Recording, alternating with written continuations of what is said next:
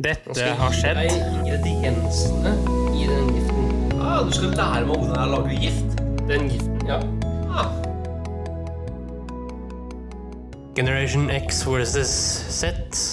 Sandberg Productions presenterer Den ekte samtalen om og med generasjon X og Z. Hold deg fast og nyt. Hei, hei, kjære lytter, og hjertelig velkommen til dagens episode av Generation X versus Z. Og i dag, kjære kompadre, Ja. så fortsetter vi på denne tidsreisen vår. Og i dag så er vi ved veis ende for 1800-tallet i mindre grad. Hva har du tenkt å ta opp nå? Nei, jeg har tenkt å ta opp litt sånn eh, fag, da. Revolusjonerende fag mm. i form av eh, både psykisk og fysisk eh, helse. Spennende. Konkret. Ja, eh, veldig konkret så har jeg tenkt til å snakke om eh, to kvinner. Ok. Den ene er eh, i Europa, den andre er i Amerika. Og hvem var det? Den ene er Florence Nightingale, bedre kjent som The Lady with the Lamp. Yes. Og den andre er Nelly Bly. Hun var kjent for å ha revolusjonert, da, eller pionert, undercover-journalistikk. Ah, det liker jeg. Og bare så det er sagt, eh, så ligger det episoder ute om de to hvis du vil lære mer enn det vi har å by på i dag. Absolutt. Så Episode nummer 212 og 85. der har du kål, Henrik. Ja, Skal vi begi oss inn på reisen med en gang? ja, vi begynner med Florence Nightingale. Ja vel. Now, if I were to ask you to name a famous nurse, there's a very good chance that you'd respond with the name of a 19th century woman. Florence Nightingale is almost the archetype of nurses, a wealthy woman who gave it all up to devote herself to caring for the sick. But how many of us know the woman behind the myth? A complex woman full of contradictions. This is the life of Florence Nightingale.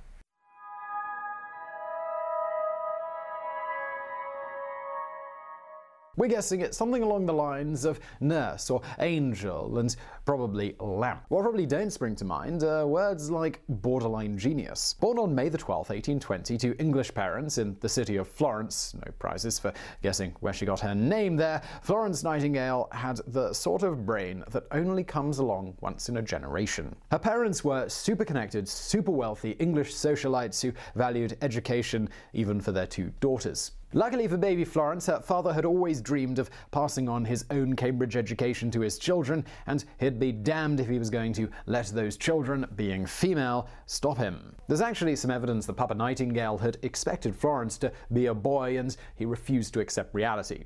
He encouraged the villagers on his estates to refer to the young girl by the male title of Squire. She mastered French, German, Greek, Italian, and Latin. She memorized works of philosophy and would debate them with her father. She also got super into maths to the extent that she begged her parents to let her go study the subject at university, but her mother said no. It was not long after that Florence she had a vision. Now, we really need to be a bit careful with the word vision here because that conjures, you know, images of Joan of Arc communicating directly with God. Florence's vision, it wasn't like that. It was more than anything a bit of a feeling and a certainty that God had given her a silent command. Still, the effect it was dramatic. On February the 5th, 1837, the 16 year old Florence declared God had told her to end suffering in the world. She interpreted this to mean that she should go into nursing. This time, her mother and her father both told her no. In those days, nursing was considered barely above prostitution. The idea that an upper middle class girl could go into the profession was so radical that even Florence's liberal father refused to consider it. Over the next 13 years, Florence tried again and again to change her parents' minds. In 1844, Florence tried and failed to convince her parents to send her for nurse training in Salisbury. But Florence was persistent and she kept working away at her parents all the way through her teenage years, right into womanhood. By the time 1850 rolled around, she was 30 and her father was utterly worn down. That July, her parents gave her permission to travel to Germany for a two week training course at a nursing hospital. Perhaps they thought that being up close with all that disease would put her off a life of nursing. But, well, that didn't happen. The next year, Florence returned for another course, this one lasting three months. By 1853, Florence's dream had finally been realized. Using her family connections, she got a job at a hospital for distressed gentlewomen on Harley Street in London. It wasn't hugely taxing, but it was definitely nursing. Finally, Florence Nightingale had made it. Florence Nightingale didn't know it yet, but she was about to get sucked into one of the bloodiest conflicts in European history. Russia made its move. The Turks declared war, which pulled in Britain and France, and suddenly the area around the Black Sea was alight with conflict. It was the start of the Crimean War, and it would end somewhere in the region of a million lives. Crimean War. This is the first war in which the modern media was involved. The first war correspondent in history, William Howard Russell, was there for the Times of London, sending back real time reports via the newly invented telegraph. The second is that military hospitals were very different from what we would expect now. The British government was so against the idea of sending women into a conflict zone that they actually forbid any nurses from going. William Howard Russell decided to write about British military hospitals in Crimea and send back reports so graphic that they caused outrage. Caught back-footed, the British government quickly reversed its no nurses on the front lines policy. Suddenly, Secretary of State at War Sidney Herbert found himself in dire need of a head nurse to send to Crimea. And so it was, in 1854, that Herbert was able to write to Nightingale and ask her to go to Crimea. Florence Nightingale actually jumped at the chance. Put at the head of 38 volunteer nurses, the 37 year old left behind a hospital for gentlewomen and got on a boat on October the 21st, 1854. It was supposed to be a dream come true, a chance to show her parents what she was really capable of. Instead, Florence Nightingale would soon find herself trapped at the center of a nightmare. On November 5, 1854, Florence Nightingale and a corps of nurses arrived at the British military hospital of Scutari, today a suburb of Istanbul. What they found there was something that would haunt them for the rest of their lives. The hospital was built atop a sewer which had flooded long ago and no one had bothered to plug it. When injured men walked into the toilets, they had to pass barefoot through a layer of ankle deep feces. There were rodents running amok, men lying in filthy bedclothes that hadn't been changed for weeks on end. There was rotting meat lying around from where patients were supposed to cook their meals. There were people with unwashed, gangrenous wounds. This place was a human cesspit, a place where pestilence and disease roamed the hallways, training death. Nightingale famously called her new hospital the Kingdom of Hell. But the experience, it gave her the kick up the rear that she needed to keep moving.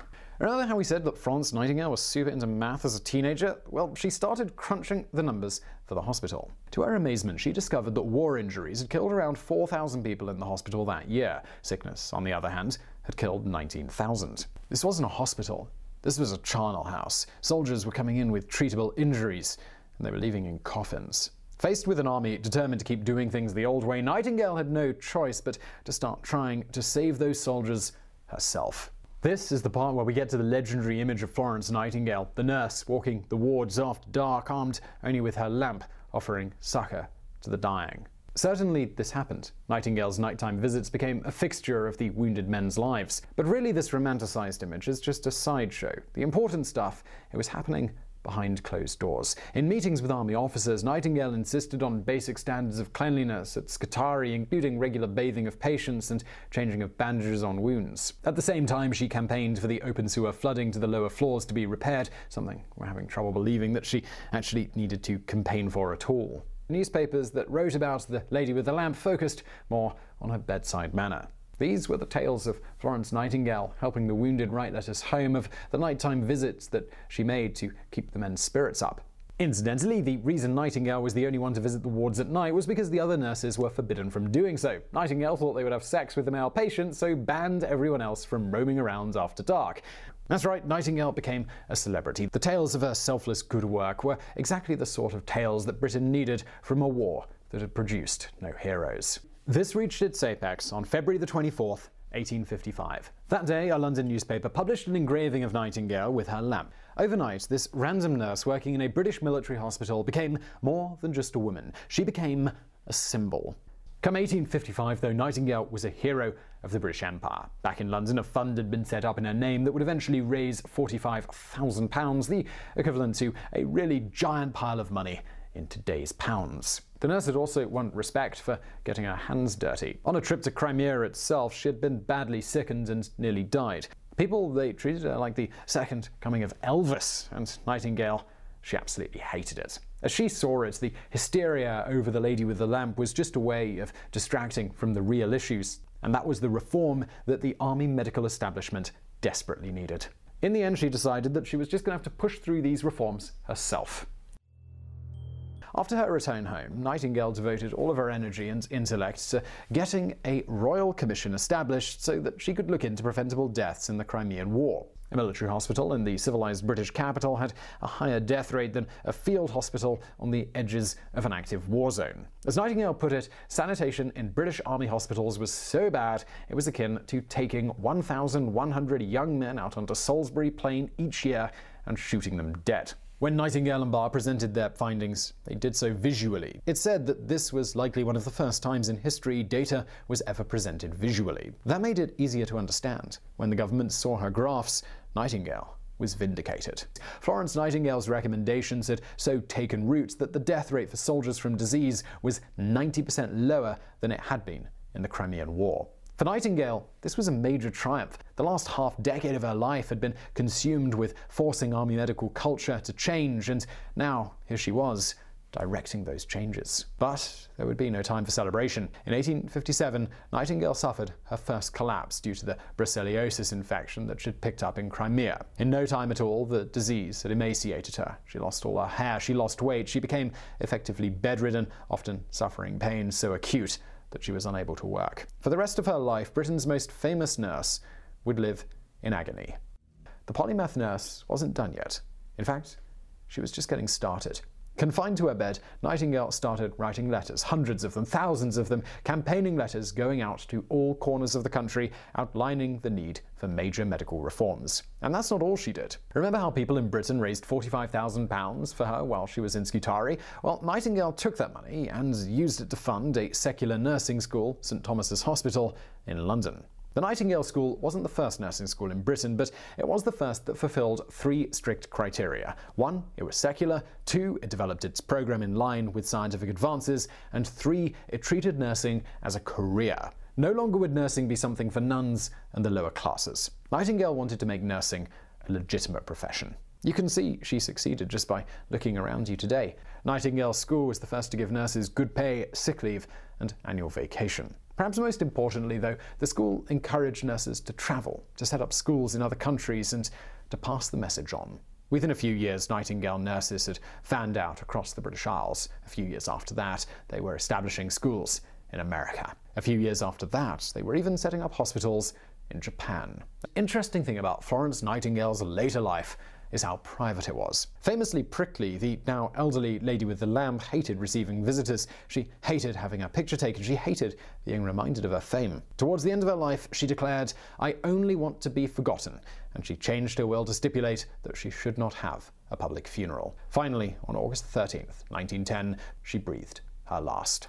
She wanted to be buried in an anonymous unmarked grave. She was finally put to rest beneath a headstone bearing her name at St Margaret's Church. Today, the legend of Florence Nightingale, it's still going strong. Florence Nightingale, she didn't want to be remembered. She didn't want to have lamplight processions and YouTube videos about her life. She simply wanted to vanish, to be anonymous. But sometimes someone lives a life so great that forgetting them simply isn't an option. Nightingale managed, she changed the world. She was, if nothing else, the lady with the lamp. Det var Florence Nightingale. Ja da, da ble vi liksom litt bedre kjent, føler jeg. Ja, det ble vi jo. Virkelig en, en høydere. Ja. Hva gjør vi nå? Nei, du skal over dammen, da, til eh, USA. Ja. Og skal bli bedre kjent med Nell Bligh og hennes bragder. Kan du fortelle litt før liksom engelsken tyter ut av øreproppene? Ja, vi skal jo høre fra en eh, selvbiografi, da, som hun skrev eh, om sine oppdagelser på et eh, sinnssykehus utafor New York. Ja, altså Hun agerte som hun var sinnssyk. Ja, hun lot som hun var sinnssyk for å infiltrere et sinnssykehus eh, utenfor New York, som nevnt. Eh, og det klarte hun jo.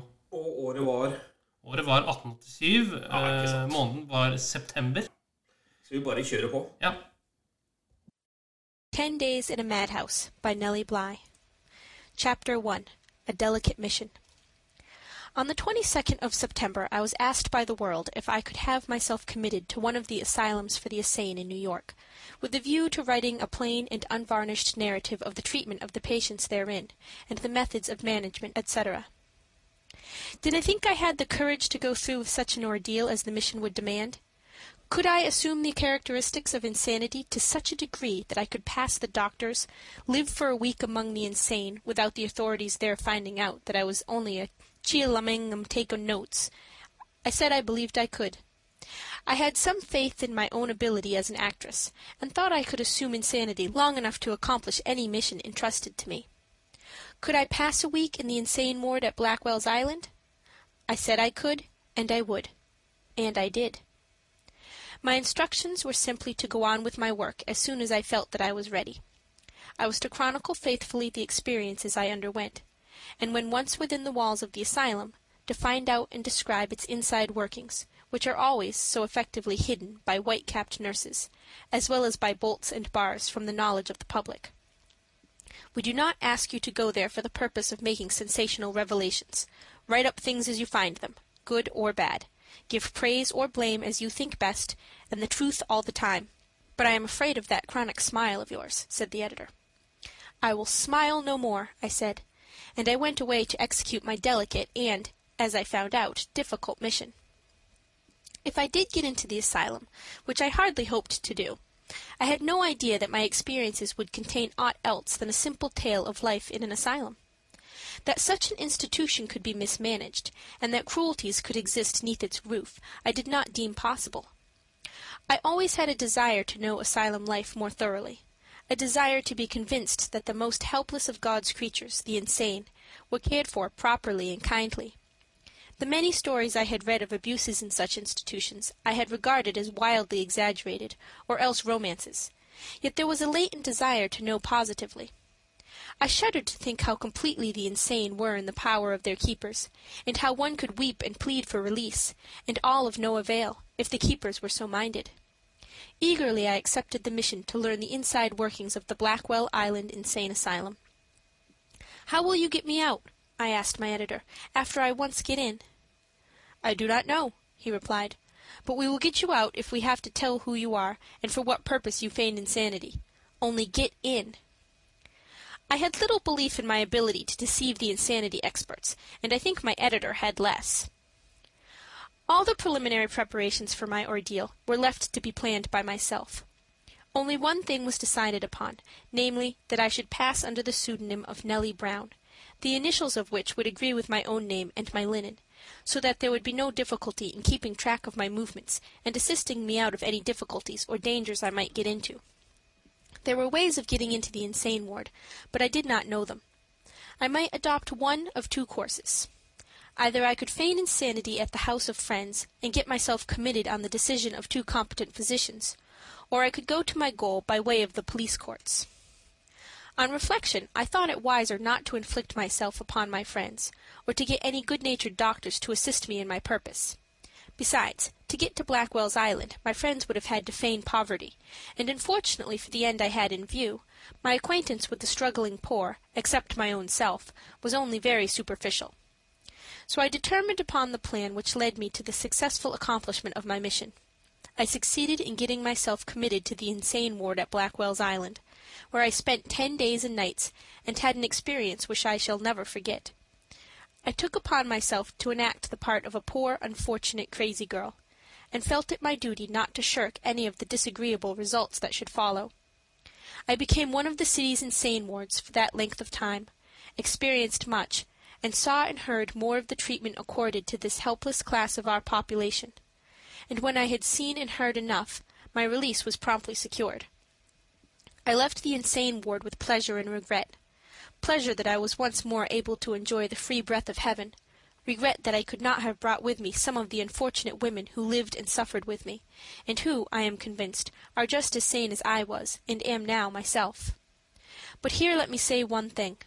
From the moment I entered the insane ward on the island, I made no attempt to keep up the assumed role of insanity. I talked and acted just as I do in ordinary life. Yet, strange to say, the more sanely I talked and acted, the crazier I was thought to be, by all except one physician, whose kindness and gentle ways I shall not soon forget. End of chapter 1. Chapter 2. Preparing for the Ordeal. But to return to my work and my mission. After receiving my instructions, I returned to my boarding house, and when evening came I began to practice the role in which I was to make my debut on the morrow. What a difficult task, I thought, to appear before a crowd of people and convince them that I was insane. I had never been near insane persons before in my life, and had not the faintest idea of what their actions were like. And then to be examined by a number of learned physicians who make insanity a specialty, and who daily come in contact with insane people. How could I hope to pass these doctors and convince them that I was crazy? I feared that they could not be deceived. I began to think my task a hopeless one, but it had to be done. So I flew to the mirror and examined my face. I remembered all I had read of the doings of crazy people, how first of all they have staring eyes, and so I opened mine as wide as possible and stared unblinkingly at my own reflection. I assure you the sight was not reassuring, even to myself, especially in the dead of night. I tried to turn the gas up higher in hopes that it would raise my courage. I succeeded only partially, but I consoled myself with the thought that in a few nights more I would not be there, but locked up in a cell with a lot of lunatics. The weather was not cold, but nevertheless, when I thought of what was to come, wintry chills ran races up and down my back in a very mockery of the perspiration which was slowly but surely taking the curl out of my bangs. Between times, practicing before the mirror and picturing my future as a lunatic, I read snatches of improbable and impossible ghost stories, so that when the dawn came to chase away the night I felt that I was in a fit mood for my mission, yet hungry enough to feel keenly that I wanted my breakfast. Slowly and sadly I took my morning bath, and quietly bade farewell to a few of the most precious articles known to modern civilization. Tenderly I put my toothbrush aside, and when taking a final rub of the soap I murmured, "It may be for days, and it may be for longer." Then I donned the old clothing I had selected for the occasion. I was in the mood to look at everything through very serious glasses. It's just as well to take a last fond look, I mused, for who could tell but that the strain of playing crazy and being shut up with a crowd of mad people might turn my own brain, and I would never get back. But not once did I think of shirking my mission. Calmly, outwardly at least, I went out to my crazy business.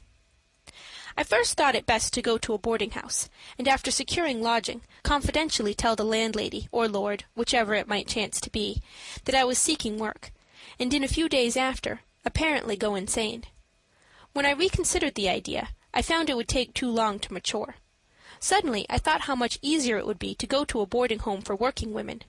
I knew, if once I made a house full of women believe me crazy, that they would never rest until I was out of their reach and in secure quarters.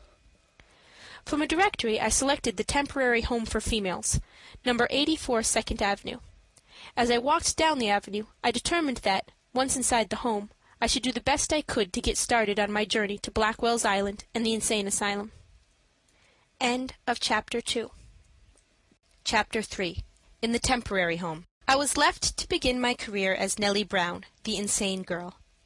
As I walked down the avenue I tried to assume the look which maidens wear in pictures entitled Dreaming. Far away expressions have a crazy air. I passed through the little paved yard to the entrance of the home. I pulled the bell, which sounded loud enough for a church chime, and nervously awaited the opening of the door to the home, which I intended should ere long cast me forth and out upon the charity of the police. The door was thrown back with a vengeance, and a short, yellow haired girl of some thirteen summers stood before me. "Is the matron in?" I asked faintly. "Yes, she's in. She's busy. Go to the back parlor," answered the girl in a loud voice, without one change in her peculiarly matured face.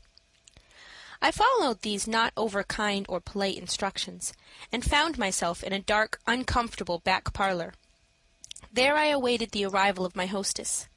I had been seated some twenty minutes at the least, when a slender woman, clad in a plain, dark dress, entered, and, stopping before me, ejaculated inquiringly, "Well?"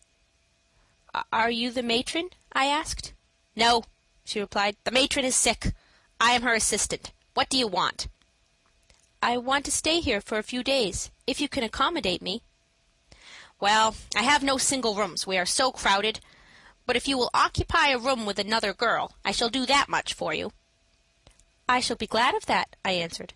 "How much do you charge?" I had brought only about seventy cents along with me, knowing full well that the sooner my funds were exhausted the sooner I should be put out, and to be put out was what I was working for. "We charge thirty cents a night," was her reply to my question. And with that I paid her for one night's lodging, and she left me on the plea of having something else to look after. Left to amuse myself as best I could, I took a survey of my surroundings. They were not cheerful, to say the least. A wardrobe, desk, bookcase, organ, and several chairs completed the furnishment of the room, into which the daylight barely came. By the time I had become comfortable with my quarters a bell, which rivaled the door bell in its loudness, began clanging in the basement, and simultaneously women went trooping downstairs from all parts of the house. I imagined, from the obvious signs, that dinner was served, but as no one had said anything to me I made no effort to follow in the hungry train. Yet I did wish that some one would invite me down. It always produces such a lonely, homesick feeling to know others are eating and we haven't a chance, even if we are not hungry. I was glad when the assistant matron came up and asked me if I did not want something to eat. I replied that I did, and then I asked her what her name was. Mrs. Stannard, she said, and I immediately wrote it down in a notebook I had taken with me for the purpose of making memoranda, and in which I had written several pages of utter nonsense for inquisitive scientists. Thus equipped, I awaited developments. But my dinner well, I followed Mrs. Stannard down the uncarpeted stairs into the basement, where a large number of women were eating. She found room for me at a table with three other women. The short-haired slavey who had opened the door now put in an appearance as waiter. Placing her arms akimbo and staring me out of countenance, she said, "Boiled mutton, boiled beef, beans, potatoes, coffee or tea?" "Beef, potatoes, coffee and bread," I responded. "Bread goes in," she explained, as she made her way to the kitchen, which was in the rear. It was not very long before she returned with what I had ordered on a large, badly battered tray, which she banged down before me. I began my simple meal. It was not very enticing, so while making a feint of eating I watched the others. I have often moralized on the repulsive form charity always assumes. Here was a home for deserving women, and yet what a mockery the name was. The floor was bare, and the little wooden tables were sublimely ignorant of such modern beautifiers as varnish, polish, and table covers. It is useless to talk about the cheapness of linen and its effect on civilization. Yet these honest workers, the most deserving of women, are asked to call this spot of barrenness home. When the meal was finished each woman went to the desk in the corner, where Mrs. Stannard sat, and paid her bill. I was given a much used and abused red check by the original piece of humanity in shape of my waitress. My bill was about thirty cents. After dinner I went upstairs and resumed my former place in the back parlor. I was quite cold and uncomfortable, and had fully made up my mind that I could not endure that sort of business long, so the sooner I assumed my insane points the sooner I would be released from enforced idleness. Ah, that was indeed the longest day I ever lived. I listlessly watched the women in the front parlor, where all sat except myself. One did nothing but read and scratch her head, and occasionally call out mildly, "Georgie," without lifting her eyes from her book. Georgie was her over frisky boy, who had more noise in him than any child I ever saw before. He did everything that was rude and unmannerly, I thought, and the mother never said a word unless she heard some one yell at him. Another woman always kept going to sleep and waking herself up with her own snoring. I really felt wickedly thankful that it was only herself she awakened. The majority of the women sat there doing nothing, but there were a few who made lace and knitted unceasingly. The enormous doorbell seemed to be going all the time, and so did the short-haired girl. The latter was, besides, one of those girls who sing all the time snatches of all the songs and hymns that have been composed for the last fifty years. There is such a thing as martyrdom in these days. The ringing of the bell brought more people who wanted shelter for the night. Excepting one woman, who was from the country on a day's shopping expedition, they were working women, some of them with children. As it drew toward evening, Mrs. Stannard came to me and said, "What is wrong with you? Have you some sorrow or trouble?" "No," I said, almost stunned at the suggestion. "Why?" "Oh, because she said, womanlike. I can see it in your face. It tells the story of a great trouble. Yes, everything is so sad, I said in a haphazard way, which I had intended to reflect my craziness. But you must not allow that to worry you. We all have our troubles, but we get over them in good time. What kind of work are you trying to get? I do not know. It's all so sad, I replied. Would you like to be a nurse for children and wear a nice white cap and apron? she asked. I put my handkerchief up to my face to hide a smile, and replied in a muffled tone, I never worked. I don't know how. But you must learn, she urged. All these women here work. Do they? I said in a low, thrilling whisper. Why, they look horrible to me, just like crazy women. I'm so afraid of them. They don't look very nice, she answered assentingly, but they are good, honest working women. We do not keep crazy people here. I again used my handkerchief to hide a smile, as I thought that before morning she would at least think she had one crazy person among her flock. They all look crazy, I asserted again, and I am afraid of them. There are so many crazy people about, and one can never tell what they will do. Then there are so many murders committed, and the police never catch the murderers. And I finished with a sob that would have broken up an audience of blase critics. She gave a sudden and convulsive start, and I knew my first stroke had gone home. It was amusing to see what a remarkably short time it took her to get up from her chair and to whisper hurriedly, I'll, come back to talk with you after a while. I knew she would not come back, and she did not. When the supper bell rang, I went along with the others to the basement and partook of the evening meal, which was similar to dinner, except that there was a smaller bill of fare and more people, the women who are employed outside during the day having returned. After the evening meal we all adjourned to the parlors, where we all sat or stood, as there were not enough chairs to go around. It was a wretchedly lonely evening, and the light which fell from the solitary gas jet in the parlor and oil lamp the hall helped to envelop us in a dusky hue and dye our spirits navy blue. I felt it would not require many inundations of this atmosphere to make me a fit subject for the place I was striving to reach.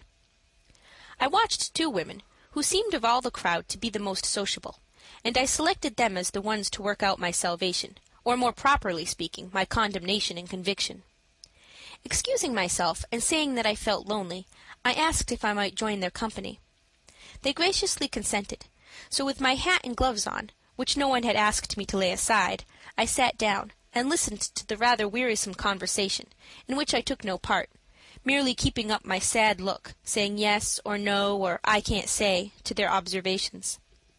Several times I told them I thought everybody in the house looked crazy, but they were slow to catch on to my very original remark. One said her name was Mrs. King, and that she was a Southern woman. Then she said that I had a Southern accent. She asked me bluntly if I did not really come from the South. I said yes. The other woman got to talking about the Boston boats, and asked me if I knew at what time they left. For a moment I forgot my role of assumed insanity, and told her the correct hour of departure. She then asked me what work I was going to do, or if I had ever done any. I replied that I thought it was very sad that there were so many working people in the world. She said in reply that she had been unfortunate and had come to New York, where she had worked at correcting proofs on a medical dictionary for some time, but that her health had given way under the task, and that she was now going to Boston again. When the maid came to tell us to go to bed, I remarked that I was afraid, and again ventured the assertion that all the women in the house seemed to be crazy. The nurse insisted on my going to bed. I asked if I could not sit on the stair, but she said decisively no, for every one in the house would think you were crazy. Finally I allowed them to take me to a room. Here I must introduce a new personage by name into my narrative. It is the woman who had been a proofreader and was about to return to Boston. She was a Mrs. Caine, who was as courageous as she was good-hearted. She came into my room and sat and talked with me a long time, taking down my hair with gentle ways. She tried to persuade me to undress and go to bed, but I stubbornly refused to do so. During this time a number of the inmates of the house had gathered around us. They expressed themselves in various ways. "Poor loon," they said. "Why, she's crazy enough. I'm afraid to stay with such a crazy being in the house." She will murder us all before morning. One woman was for sending for a policeman to take me at once. They were all in a terrible and real state of fright.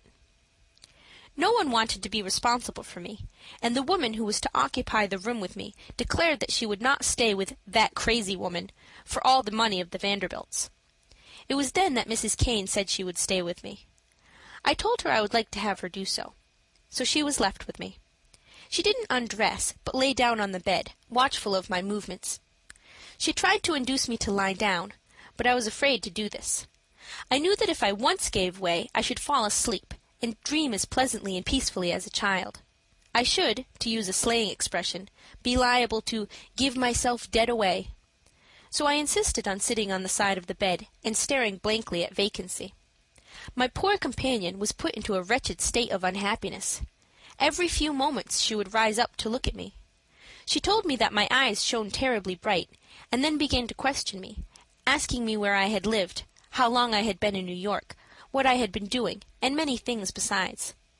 To all her questions I had but one response. I told her that I had forgotten everything, that ever since my headache had come on I could not remember. Poor soul! How cruelly I tortured her, and what a kind heart she had! But how I tortured all of them! One of them dreamed of me, as a nightmare. After I had been in the room an hour or so, I was myself startled by hearing a woman screaming in the next room. I began to imagine that I was really in an insane asylum. Mrs. Caine woke up, looked around, frightened, and listened.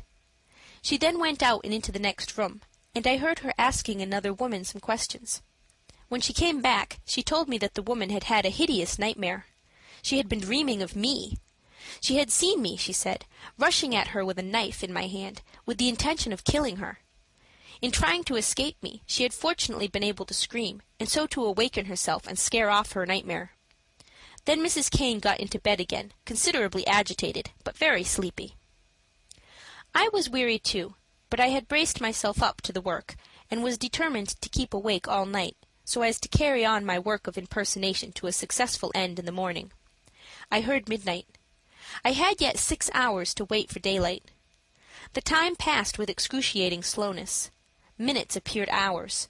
The noises in the house and on the avenue ceased. Fearing that sleep would coax me into its grasp, I commenced to review my life. How strange it all seems! One incident, if never so trifling, is but a link more to chain us to our unchangeable fate. I began at the beginning, and lived again the story of my life. Old friends were recalled with a pleasurable thrill. Old enmities, old heartaches, old joys were once again present. The turned down pages of my life were turned up, and the past was present. When it was completed I turned my thoughts bravely to the future, wondering first what the next day would bring forth, then making plans for the carrying out of my project. I wondered if I should be able to pass over the rivers to the goal of my strange ambition, to become eventually an inmate of the halls inhabited by my mentally racked sisters. And then, once in, what would be my experience? And after? How to get out? Bah, I said, they will get me out. That was the greatest night of my existence. For a few hours I stood face to face with self. I looked out toward the window and hailed with joy the slight shimmer of dawn. The light grew strong and gray, but the silence was strikingly still. My companions slept. I had still an hour or two to pass over. Fortunately I found some employment for my mental activity. Robert Bruce in his captivity had won confidence in the future, and passed his time as pleasantly as possible under the circumstances, by watching the celebrated spider building his web. I had less noble vermin to interest me. Yet I believe I made some valuable discoveries in natural history. I was about to drop off to sleep in spite of myself, when I suddenly startled to wakefulness. I thought I heard something crawl and fall down upon the counterpane with an almost inaudible thud. I had the opportunity of studying these interesting animals very thoroughly. They had evidently come for breakfast, and were not a little disappointed to find that their principal plat was not there. They scampered up and down the pillow, came together, seemed to hold interesting converse, and acted in every way as if they were puzzled by the absence of an appetizing breakfast. After one consultation of some length they finally disappeared, seeking victims elsewhere, and leaving me to pass the long minutes by giving my attention to cockroaches, whose size and agility were something of a surprise to me. My room companion had been sound asleep for a long time, but she now woke up, and expressed surprise at seeing me still awake, and apparently as lively as a cricket. She was as sympathetic as ever. She came to me and took my hands, and tried her best to console me, and asked me if I did not want to go home. She kept me upstairs until nearly everybody was out of the house, and then took me down to the basement for coffee and a bun. After that, partaken in silence, I went back to my room, where I sat down moping. Mrs. Caine grew more and more anxious. "What is to be done?" she kept exclaiming. "Where are your friends?" "No," I answered, "I have no friends. But I have some trunks.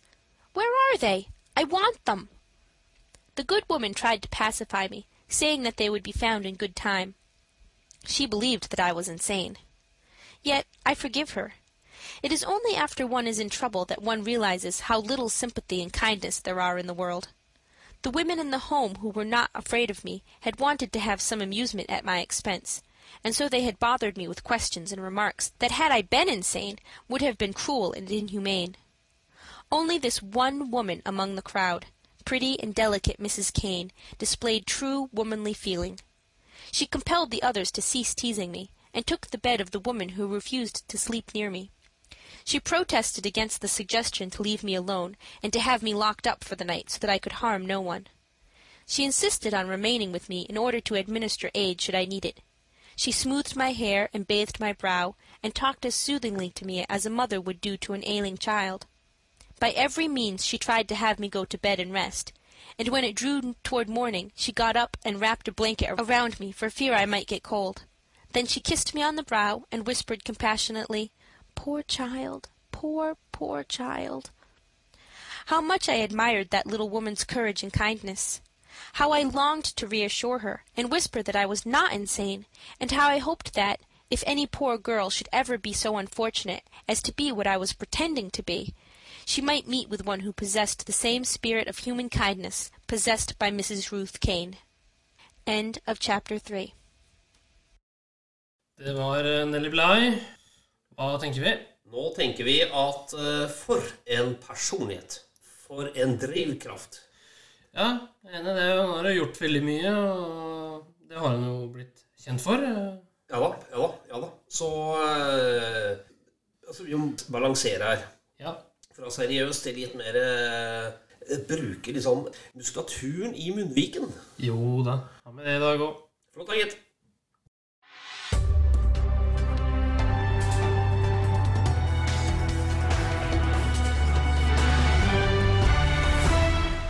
NRK-hjørnet.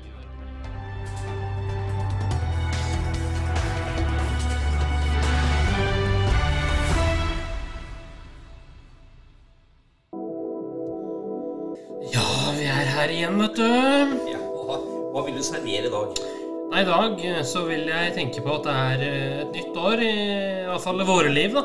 Ja, Sitter i 2023, og så vil jeg komme med en advarsel ok. Skal jobbe, og oss inklusiv. Ja, Jeg er å prøve å ikke dø første dag på jobb. ja nei, altså, jeg har ingen planer om det, i hvert fall. Ikke jeg heller. Nei, det er godt. det Veldig godt å gjøre høre. Spørsmålet er lytterne våre, da. Ok, jeg tror, jeg tror, det jeg tror den er ganske universell, men uh, hva har det med humor å gjøre, gutten min? Jeg vet ikke, men her kommer den.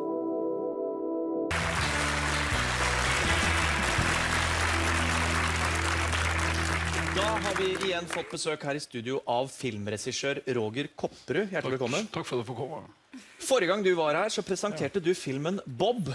Og du kunne fortelle at uh, hovedrolleinnehaveren, den store Hollywood-skuespilleren Jerry Anderton, døde første opptaksdag. Men du klarte allikevel å lage en hel spillefilm av det. Det er helt riktig, og det har vært en enorm interesse for selve filmen. Ja.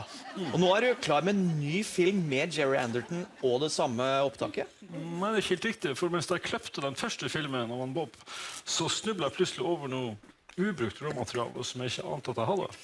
Ok. Og vi skal få lov til å se noe av dette råmaterialet. Ikke noe, du kan få se på alt råmaterialet. Ok, ser vi på det. One, two, one, two. Can you hear me? We're going for lunch now. Understand? Ja. Ja. Det var jo ikke lange snutten, det. Nei, men det er mer enn nok til å lage en helt ny spillefilm. Ja. Og vi skal nå se et klipp fra den nye filmen din. Det skal Vi gjøre. Vi skal se scenen der Bob, spilt av Anderton, oppdager at hans kjære Lian faktisk har vært utro mot han. Tell me it isn't true. Is what true, my love? Tell me it isn't true. One, two, one, two. Can you hear me? I hear you, Bob. For the first time, I really hear you. Please stay. We can work things out. No! You're the only man I've ever loved. And you know that. I don't know anything anymore. Please forgive me. No! He meant nothing to me. And you know that. I don't know anything anymore.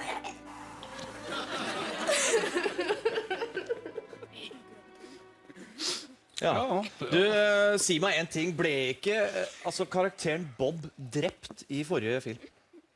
Fun fact. Også en gjennomsnittlig kinopublikum bryr seg fint lite om den slags trivielle detaljer. Ok. Vi skal se et eh, klipp eh, til. Hva er det vi skal få se nå? Ekte kjærlighet, kort og godt. Fun fact. Sterk scene. Bob, have you been with many girls since we broke up? One, two. Guess I deserved it. You know that I would do anything to turn back time and undo what I did. I. want to. Understand? Does that mean that you forgive me? Oh, Bobby. You'll never leave me again, will you? No! I'm gonna kiss you now. I'm gonna do it.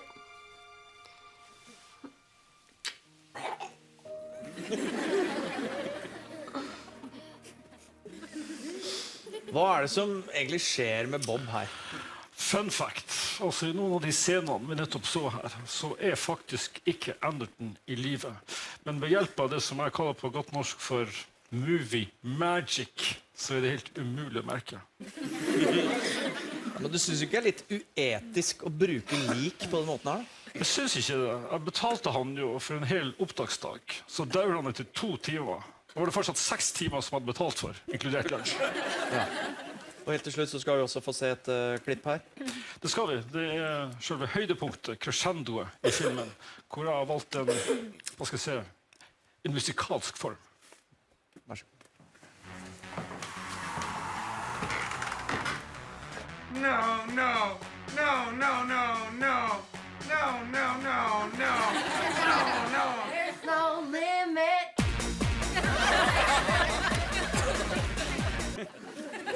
Tusen takk for at du kom i studio, Roger Kopper. Tusen takk for at jeg fikk lov å komme.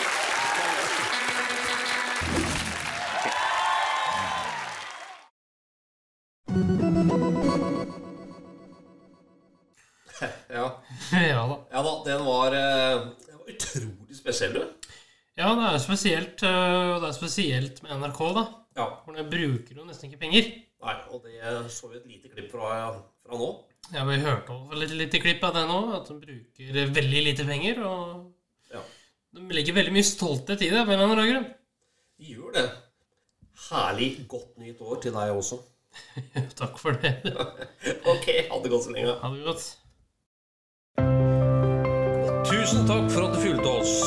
Gi gjerne tilbakemelding, likes eller kommentar på Facebook-siden vår Generation X versus Z. Velkommen igjen til neste podkastepisode. Hei då!